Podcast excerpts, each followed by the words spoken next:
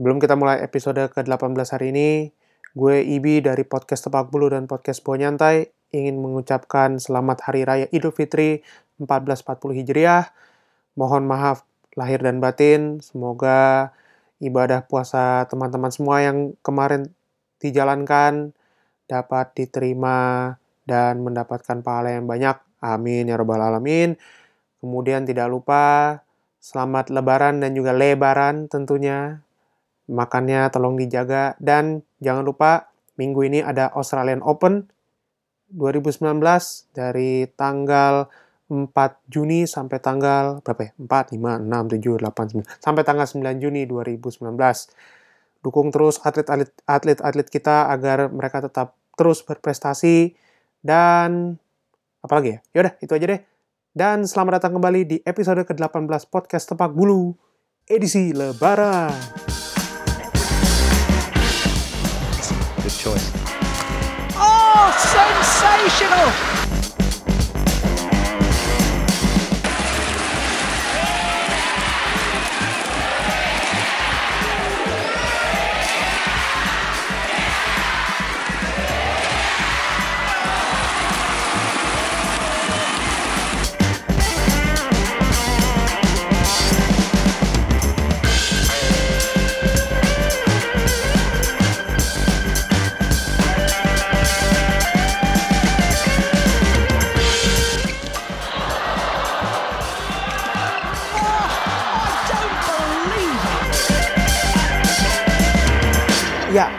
Itu tadi intro atau opening yang lumayan panjang sebetulnya.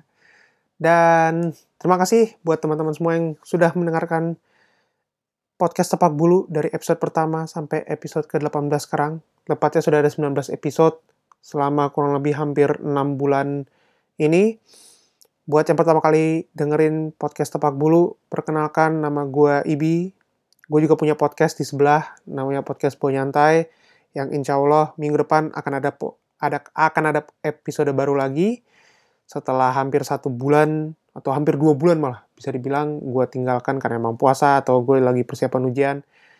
Dan ya dan hari ini kita akan ngebahas soal tunggal putri. Seperti yang sudah kalian lihat di cover podcast hari ini. Ini merupakan apa ya hasil polling yang gue sempet tweet di twitternya podcast tepak bulu at bulu tepak. Dan ternyata lumayan pada tertarik untuk membahas soal tunggal putri ini. Tapi juga sebenarnya katalisnya atau pemicunya tentu saja dari Sudirman Cup kemarin yang istilahnya untuk sektor tunggal lumayan mengecewakan. Karena sebelumnya di episode sebelumnya eh, kita udah sempat nyinggung nyinggung atau ngebahas dikit soal tunggal putra dan tunggal putri secara umum. Dan sekarang kita akan lebih banyak ngebahas soal tunggal putri. Tapi kita nggak cuma ngebahas soal kayak dua pemain aja dari Gregoria atau maupun dari Fitriani tapi kita juga akan mungkin ngebahas atau napak tilas ke pemain-pemain bulu tangkis kita yang istilahnya sempat apa ya sempat menjadi andalan kita di Platnas tentunya pada era-era 2000 sampai 2011 2010-an lah gitu sampai 2014 kemarin sebelum sekarang akhirnya eh, dikomandoi atau lebih tepatnya dipimpin oleh Gregoria dan Fitriani. Dan gue juga gue ngerasa kayak selama gue nge-podcast gue belum pernah ngebahas atau bahkan gue belum pernah nyinggung secara ekstensif kepada salah satu disiplin ini karena jujur aja agak bingung juga gitu. Gimana kita mau apa ya mau ngebahasnya gitu. Karena kalau gue cari-cari di di mana ya di Google soal kayak permasalahan tunggal putri Indonesia atau misalnya kayak contoh tunggal putri Indonesia gitu. Kadang pemberitaannya nggak terlalu banyak karena kalau kalian lihat betapa apa ya lebih banyak coverage-nya atau liputannya pasti kalau nggak ke ganda putra ke ganda campuran atau ke ganda putri biasanya gitu. atau bahkan kalau nggak ya ke tunggal putra yang rame apalagi tahun kemarin waktu SEA Games ya kan dan hari ini mungkin cuman ada dua apa ya cuman ada dua segmen Hmm, tapi segmen ini mungkin kayak segmennya nggak yang kayak benar-benar kelihatan nggak nggak terlalu ketara kayak ayo masuk segmen ini terus segmen berikutnya yang ini gitu. Um, karena di episode ini gue nggak nggak ngebuka breakgen atau rubrik netizen. Mungkin episode depan, episode berikutnya gue akan buka. Uh, tunggu aja tweet apa tweet dari bulu tepak. Dah itu aja. Ya udah kita langsung masuk ke topik utama.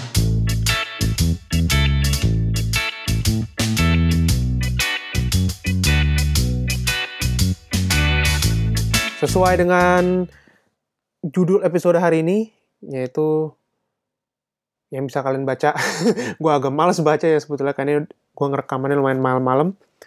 Tapi buat teman-teman yang mungkin sudah lama ngikutin badminton, gue ngerasa gue ngerasa gue masih baru banget ya ngikutin badminton meskipun gue dari SD sampai SMA nonton juga badminton cuman yang nggak terlalu sering karena dulu aja sebenarnya nonton badminton agak susah kalau bukan turnamen-turnamen yang diadain di Indonesia atau kalau nggak segede macam All England atau Malaysia Open atau mungkin China Open gitu. Ya gue mungkin nggak akan nonton. Dan gue juga kayak baru dulu-dulu tuh nggak terlalu minat untuk nonton ke stadion gitu. Mungkin karena emang rame terus kali untuk badminton. Tapi e, untuk kayak ngelihat gimana sih perjalanan tunggal putri kita? Ini nggak nyambung gini. Nggak apa lah. Perjalanan tunggal putri kita dari era 2000-an, medio 2000-an sampai sekarang, mungkin kalian akan apa ya? Sebagian dari kalian mungkin akan familiar dengan nama-nama ini. Mungkin buat teman-teman yang baru ngikutin badminton, uh, pernah mendengar nama-nama ini, tapi mungkin agak uh, apa ya? Vivid atau istilahnya kayak nggak tidak begitu mengenal secara personal. Gitu. Gue mungkin juga dari nama-nama ini nggak terlalu begitu apa ya? punya memori yang bagus atau lebih tepatnya gue tidak punya ingatan yang bagus terhadap nama-nama ini tapi sebisa mungkin gue akan berusaha untuk menjelaskan agak sedikit detail. Tapi yang jelas kalau kalian apa ya menyadari asik menyadari kalau kalian mungkin apa ya ngelihat statistik atau melihat pernah dengar fakta-fakta atau lebih tepatnya kalian lihat biodata atau mungkin lihat sepak terjang tunggal putri eh, bulu di bulu tangkis Indonesia jujur aja sebenarnya tidak sebagus atau tidak se apa ya tidak mempunyai prestasi yang secemerlang disiplin yang lain gitu. Kalau kita lihat contoh tunggal putra aja kita paling nggak sudah punya medali Asian Games, udah pernah juga punya medali apa ya medali Olimpiade, tentu saja tunggal putri juga sudah pernah bahkan kita adalah negara pertama yang punya medali olimpiade untuk sektor tunggal putri gitu. Terus kalau kita lihat dari ganda campuran ada Cibutet sama Owi yang 2016 kemarin sudah dapat medali emas olimpiade, ganda putra yang emang sudah berpres yang prestasinya sudah melimpah, ganda putri yang juga istilahnya um, lumayan sukses dengan mereka paling tidak bisa memberi gelar di apa ya di level-level yang lumayan tinggi kalau di sekarang mungkin ke level super 500 ke atas dan untuk tunggal putri kalau teman-teman mungkin sudah tahu ya bahwa semenjak Super Series diadakan 2008 apa 2009 sampai sekarang sudah berganti menjadi World Tour kita belum pernah dapat gelar uh, yang setingkat super series ke atas lah itu. Kalau misalnya kita kalau sekarang mungkin kita belum pernah dapat di tunggal putri itu level super 500 sampai ke atas kayak level super 750 atau super 1000 gitu. Kalau teman-teman nyadar ya gitu ya. Karena uh, mungkin teman-teman yang udah pernah apa ya, yang tahu kita pun paling tinggi ada di level super 300 dan itu juga baru tahun ini dapat di Thailand kemarin, yaitu yang menang Fitriani. Dan kalau kita lihat dari pemain-pemain yang lama ini sebenarnya kita juga sempat juara gitu di level-level macam international circuit atau Grand Prix atau bahkan Grand Prix Gold gitu. Bahkan kita juga pernah dapat medali di apa di kejuaraan dunia atau bahkan di Olimpiade kita juga dapat dapat medali tapi mungkin kita nggak dapat medali medali emas lah gitu istilahnya. Belum belum dapat juara gitu istilahnya. Cuma dapat medali doang tapi iya gitu. Teman-teman mungkin pasti pernah dengar eh, nama-nama ini yang akan gue bahas sebelum kita masuk ke yang topik bener-bener selanjutnya itu. Dan teman-teman pasti pernah dengar namanya Maria Febi Kusumastuti, ada juga Maria Christine Yulianti yang dapat eh, medali perunggu di Olympic Games 2008 di Cina. Ada Adrian TV Dasari. Eh, kalau nggak salah dia juara Indonesia Masters 2014. Tapi waktu itu Indonesia Masters masih terhitung Grand Prix Gold, bukan Super 500 kayak sekarang. Terus ada Linda Winifanetri yang juga dapat medali perunggu waktu kejuaraan dunia 2015 di Jakarta. Yang tahu dia ngalahin siapa di sem, apa ya? Dia ngalahin siapa di perempat final yang bikin dia jadi apa ya yang bikin dia dapat medali perunggu bisa di tweet ke gue ada juga mungkin yang teman-teman kayaknya lebih kenal sama nama ini ada Bellatrix Manuputi yang 2017 kemarin sempat balik lagi main cuman waktu main uh, ganda putri. Dan dia waktu itu yang menyumbang medali emas di SEA Games 2013 lawan Ratchanok Intanon. Nah, itu. Lalu ada Hana Ramadini yang dulu juga pernah juara Swiss International Circuit, kalau nggak salah Swiss Open sekarang yang namanya. Gue lupa Swiss International atau Swiss Open. Terus ada juga sama Dinardia Ayustin yang tahun kemarin juara Vietnam International Challenge gitu. Dan kalau dengar-dengar nama nama ini mungkin buat teman-teman yang ngikutin banget pasti kayak wah sebenarnya banyak mereka juara ini mereka pernah runner up ini gitu. Ya tapi kembali lagi bahwa kita belum pernah juara yang benar-benar di levelnya super series atau super 500 ke atas gitu. Dan sebenarnya kalau kita lihat apa sih permasalahannya gitu loh. Da, permasalahan fundament permasalahan yang paling fundamental yang paling mendasar kenapa tunggal putri kita sampai sekarang belum bisa juara di level-level tertinggi apa sih sebenarnya gitu. Nah sebelum kita masuk ke situ kita coba lihat sekarang kayak pemain-pemain um, yang ada di Platnas gitu yang saya pemain utamanya lah yang tiga pemain ini ada Gregoria Mariska Tunjung, ada Fitriani sama ada Ruseli Hartawan. Kita coba lihat ke Ruseli dulu deh gitu ya. Ruseli 2017 tuh karena dia masih pemain muda ya, jadi kita harus agak lebih sabar. Dia pemain muda tapi dia 2017 udah juara dua kali waktu itu di kelas IC International Challenge di Malaysia sama di Singapura. Ehm, dan padahal kalau nggak salah 2018 dia sempet kayak bagus banget di akhir-akhir kalau nggak salah dia sempat pernah ngalahin Georgie dia pernah ngalahin Fitriani juga. Kalau nggak salah sempat masuk ke perempat final apa semifinal yang di level 500 ke atas gue lupa. Pokoknya Ruseli sempat naik cuman sampai sekarang di 2019 ini belum kelihatan lagi. Mungkin dia diikutin ke turnamen teman dia mungkin ditargetin ke turnamen turnamen di bawah Super 500 istilahnya. Dan kita jadi punya tinggal dua sekarang yang benar-benar diproyeksikan untuk bisa dapat dua tempat di Olimpiade 2020 gitu. Nah, ada Fitriani, ada juga Georgi. Kita bahas dulu soal Fitriani. Fitriani um, Fitriani tahun ini udah juara Thailand Master Super 300. Paling tidak kita sudah punya juara di World Tour yang sudah berlangsung hampir 2 tahun ini. Karena tahun kemarin kita nggak juara sama sekali di kelasnya World Tour ini gitu dari Super 100 sampai Super 1000 gitu. Koreksi ya kalau salah ya gitu. Nah, Fitriani sudah juara tapi kemudian dari lima pertandingan terakhir yang dia jalani dia cuma menang sekali. Selebihnya dia kalah. Kemarin dia main lawan Denmark lawan Mia Blichfeld dia kalah dalam dua set.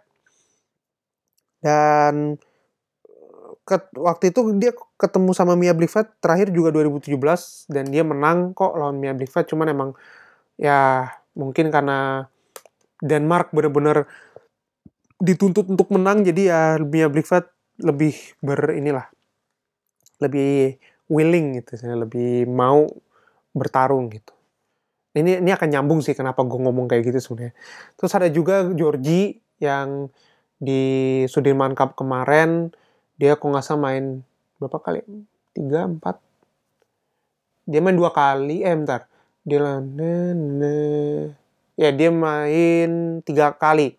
Dan dia cuma menang sekali waktu itu dan sebenarnya dia menang pun juga lawan Abigail Holden dari Inggris yang sebetulnya banyak orang yang bilang katanya karena Abigail Holdennya juga nggak bagus-bagus banget jadi makanya Georgie bisa menang mudah. Tapi who knows gitu gue nggak begitu nonton langsung cuman gue sih percaya sebenarnya kalau Georgie itu pemain bagus kok gitu. Cuman kayaknya orang-orang terlalu banyak mendis mendiskreditkan Georgie istilahnya itu nah kalau kita omongin Georgie gitu sebenarnya eh, gue mungkin lebih melihat ke pertandingan dia waktu lawan Tai Tzu Ying di babak perempat final gitu.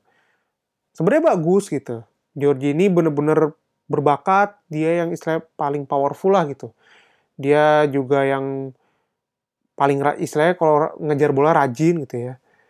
Em, cuman mungkin terkesan kalau kita lihat eh, Georgie ini juga mewakilkan pemain pem, apa ya istilahnya kayak mencerminkan pemain-pemain tunggal putri Indonesia sekarang juga gitu yang artinya kadang ketika kita udah mulai banyak ngelakuin kesalahan dia langsung apa ya bisa dibilang kayak lebih nunjukin body language yang tidak seharusnya dia tunjukkan ke lawan gitu ya. Membuat lawan jadi lebih percaya diri untuk bisa ngelawan si Georgie gitu. Tapi gue tidak melihat gue tidak begitu melihat gue tidak begitu melihat efek itu di Fitriani karena Fitriani lebih poker face kali ya. Dia lebih bisa jaga muka, lebih bisa jaga emosi gitu. Dan kalau gue lihat Ruseli, Ruseli juga sebenarnya lebih apa ya?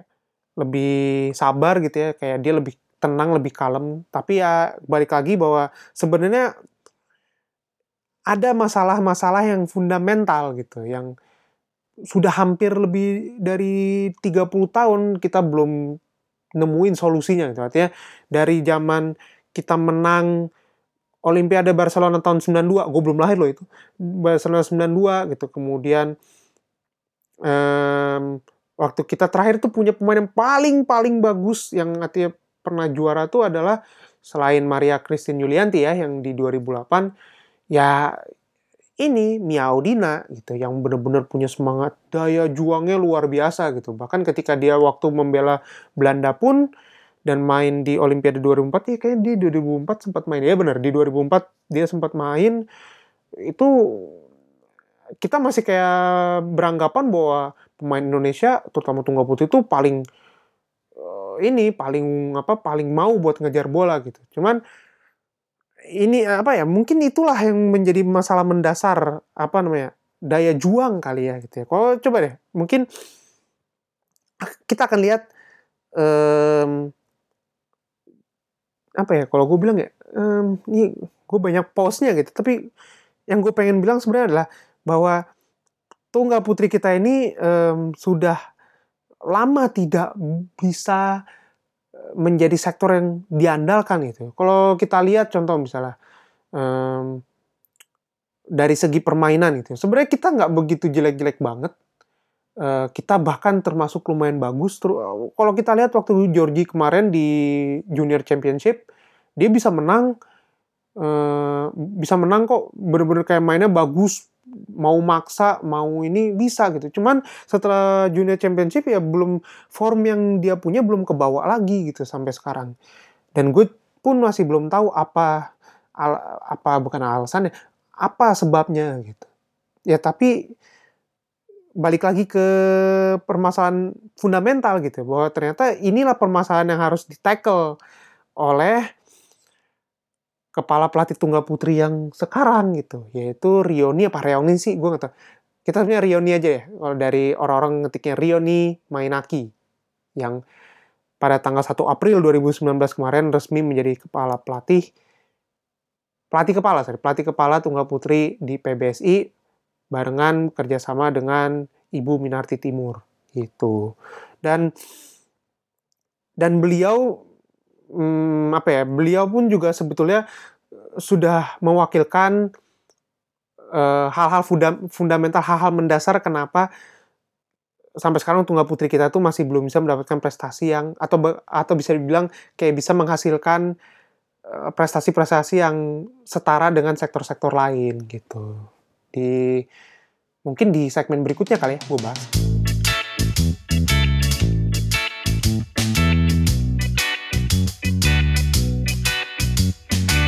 Jadi Rioni Mainaki ini eh, beliau dulu dulu adalah salah satu pelatih atau salah, sa- eh, salah satu yang berada di staf kepelatihan timnas Jepang selama 9 tahun dari 2010 ya kalau nggak salah atau dari 2011 kalau dari 2010 atau 2011 sampai 2019 kemarin beliau sudah melahirkan pemain-pemain ganda campuran ganda putra maupun ganda putri atau tunggal mereka salah beliau juga sempat eh, ngelatih juga di tunggal putri.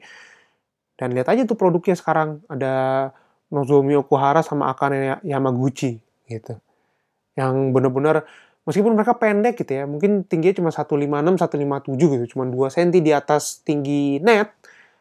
Tapi ya tetap mereka bisa dapat gelar juara banyak gitu. Apa sih sebenarnya yang bikin kita eh, ketinggalan sama Jepang terutama gitu Em, sebenarnya kalau kalau dilansir dari Okezone gitu ya eh, Parioni ini berpendapat bahwa sebenarnya pemain-pemain Indonesia ini kalau soal ngejar bola tuh rajin sudah.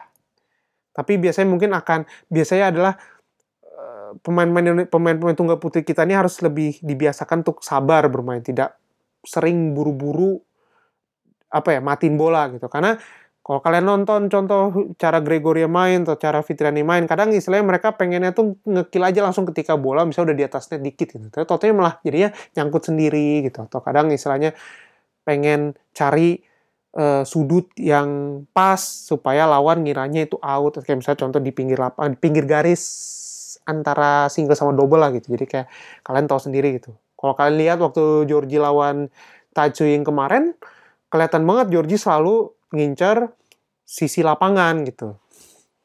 Padahal sebetulnya Georgie bisa sabar dulu, mainin bola dulu gitu lebih. Ini menurut Parioni seperti itu ya gitu. Dan dan juga bisa lebih berkonten dan bisa lebih lama apa ya berkonsentrasi terhadap satu rally atau satu permainan gitu. Serta daya juang yang harus ditingkatkan gitu. Nah dari situ aja sebetulnya sudah ketahuan gitu masalah fundamental kita tuh di mana. Harus sabar jelas karena kalau main single itu kita nggak bisa main kayak double yang eh, smash terus smash lagi smash lagi karena ya kalau smash terus kemudian misalnya nggak bisa recover ya udah lawan akan dengan sangat mudah apa namanya mm, mainin tempo permainan sesuai ini mereka sesuai keinginan mereka gitu kan.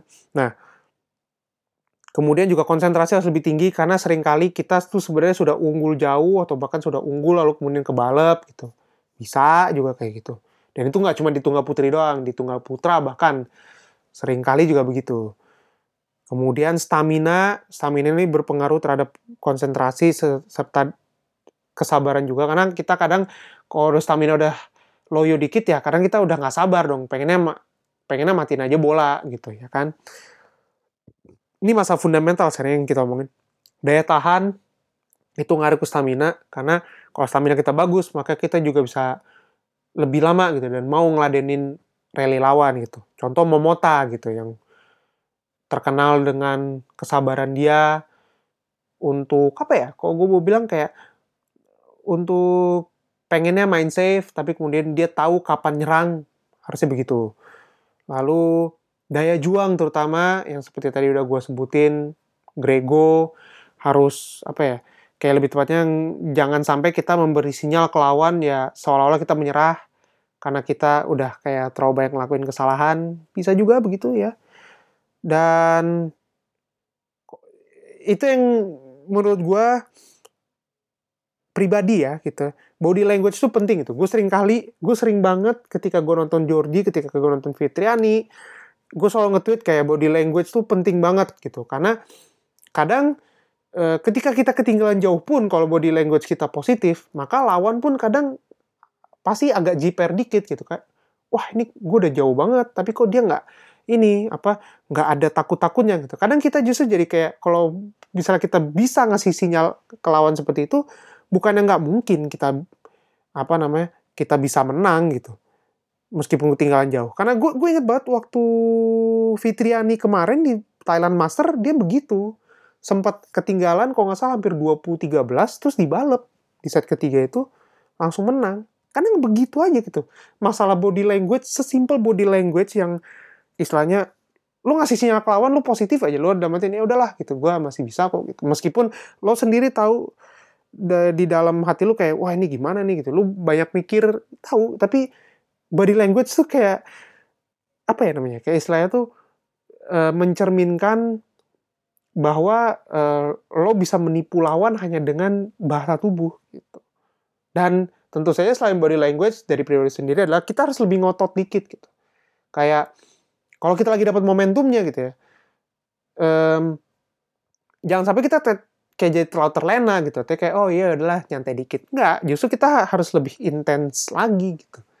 Dan ini pendapat gue pribadi ya kalau emang salah tolong dikoreksi aja atau mungkin apa namanya lo bisa ob kayak bisa interupsi ya kayak nggak gitu juga gitu. Kalau terlalu ngotot terus lu sering ngelakuin kesalahan buat apa? Mungkin begitu menurut kalian kan. tapi ya gue bilangnya sih ketika kita ngotot ketika kita lagi punya momen yang bagus justru saat itulah kita harus nambah intensitas gitu. Kok kalian lihat di final Sudirman Cup kemarin misalnya si Yuchi buktinya dia ketika udah tahu Momota ke pojok atau Momota kayak nggak bisa ngapa-ngapain dia tambah terus intensitasnya. Begitu yang harusnya dilakukan.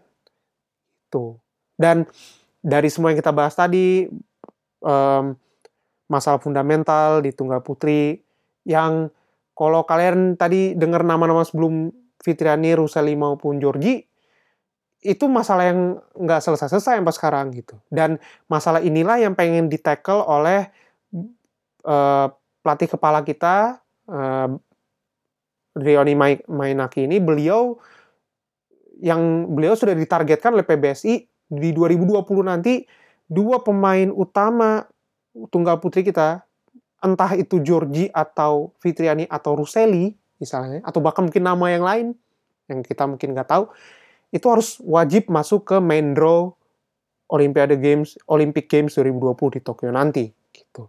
Dan permasalahan fundamental yang udah kita sebutin tadi itulah yang harusnya bisa dibenahi. Karena kenapa? Karena kalau sudah benar dan kita sudah menemukan formulanya harusnya sih kita bisa juara bisa kok gitu. Cuman itu dia masa fundamental harus dibenahin dulu gitu.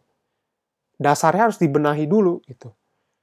Ya gue sih kalau denger dari contoh kalau misalnya gue sering dengerin kalau kalian sering dengerin podcast bola juga kayak box to box atau itu sering dibilang sama coach Justin atau sama Bang Pange atau sama Bang Tio juga gitu. Kayak ya itu itu apa ya permasalahan dasar tuh harus diselesaikan dulu ya fisik lah atau mungkin mental lah atau apa gitu. Begitu itu sudah bisa diselesaikan begitu itu sudah bisa dibenahi barulah pemain diwajibkan atau ditargetkan untuk mendapatkan eh, hasil sesuai target gitu. Dan kalau ditanya harus ada cambuk atau enggak supaya mereka bisa harus ada gitu. Fitriani Georgie harus punya dikasih semacam warning atau apa kalau misalnya mereka nggak em, juara atau mereka kalah gitu. Kayak kalau nggak salah gue sempat baca berita juga kayak eh, Pak, Pak Rioni Mainaki ini bilang ya kalau misalnya kalah maka intensitas, intensitas latihan harus ditambah gitu. Dan itu perlu gitu sebagai efek jerah atau mungkin sebagai apa ya bila- dibilangnya kayak sebagai cambuk kalau misalnya kalah gitu supaya tahu bahwa ternyata untuk bisa juara ya em, harus rela berdarah-darah harus rela berkeringat gitu dan ya kayak kita belajar aja deh kalau misalnya kuliah gitu. Kayak kayak gue sekarang gitu ya. Gue ngerasa gue masih kurang meskipun gue tahu gue bisa gitu. Karena itu dia apa namanya harus ada rasa laparnya itu gitu. Dan inilah rasa lapar ini yang harus ditanamkan ke pemain-pemain kita gitu. Dan kita pengennya adalah sebenarnya tuh em, sinyal pertama yang pengen kita lihat di pemain tunggal putri ini adalah ke depan-depannya kita pengen pemain-pemain kita ini kalau tanding ada rasa haus atau haus untuk menang, lapar untuk menang gitu. Jadi kayak kerasa kalau misalnya mereka berjuang gitu. Meskipun mereka kalah, tapi kita harus ngelihat sinyal itu oh iya mereka punya ya, mereka punya hasrat gitu kalau kita kalau kita tahu pemain tunggal putri kita punya hasrat untuk juara gitu istilahnya meskipun kalah deh kita akan lebih menghargai usaha mereka gitu ketimbang kita melepas gitu aja gitu karena ya itu tadi apa ser- yang mungkin akan sering dibilang orang-orang bahwa eh, hasil tidak akan meng- mengkhianati usaha gitu.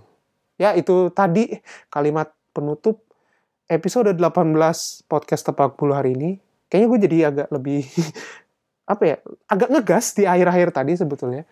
Dan buat teman-teman yang merayakan lebaran jangan lupa em, salam buat keluarga kalian semua. Mungkin kalau kalian lagi dengerin ini gitu bisa juga di share ke keluarga kalian juga atau mungkin kalian bisa share ke teman-teman kalian bisa disebarkan juga eh, link-linknya eh, link podcastnya gitu dan jangan lupa juga follow podcast Tepak Bulu di Twitter @bulutepak, di Instagram @tepakbulu.